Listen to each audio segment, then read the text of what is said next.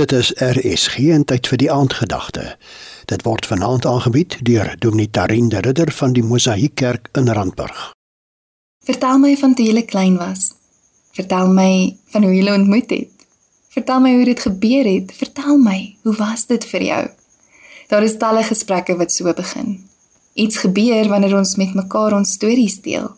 Wanneer my kinders vra, luister hulle veral vir hoe hulle in ons familie se groter storie inpas. Wanneer 'n vriendin dit vra, luister sy vir 'n groter verstaan van wie ek is en hoe ek gekom het waar ek nou is. Ons voel saam, ons word ingetrek in mekaar se lewens en ons prentjies van mekaar vergroot. Ek wonder hoekom die koning nie net vir Gehasie Elisa se slaaf vra om te vertel nie, maar dan ook vir die vrou wat by hom kom pleit vir haar huis en grond. Hy vra vir haar: "Vertel my 'n bietjie." Hoor wat sê dit in 2 Konings 8 vers 4 en 6. Die koning was in gesprek met Gehasie, die slaaf van die man van God. Hy het gevra: "Vertel 'n bietjie vir my van al die groot dinge wat Elisa gedoen het." Die koning het die vrou uitgevra en sy het hom alles vertel. Dit lyk vir my asof daar 'n heilige nuuskierigheid by die koning is. Hy wil hoor wat God deur Elisa gedoen het. Hy wil 'n prentjie inkleer. Sy gereedheid om te luister maak die voorblad van hierdie stories oop. Gehasie en die vrou aan die ander kant is gretig en gereed om hulle stories te deel.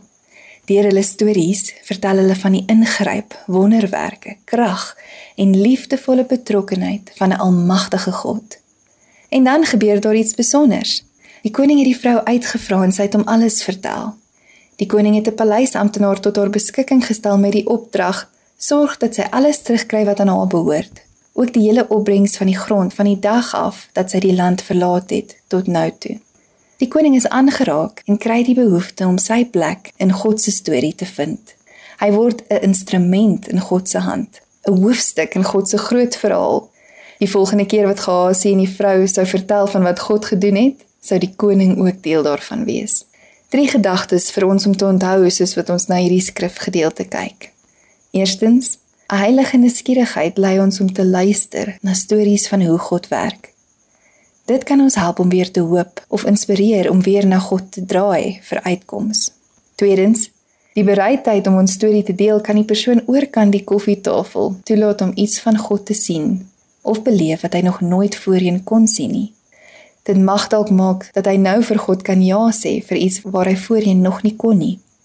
En laastens, vind jou plek in God se storie op elke manier wat hy jou daagliks nooi. Dit gee diep betekenis en geborgenheid.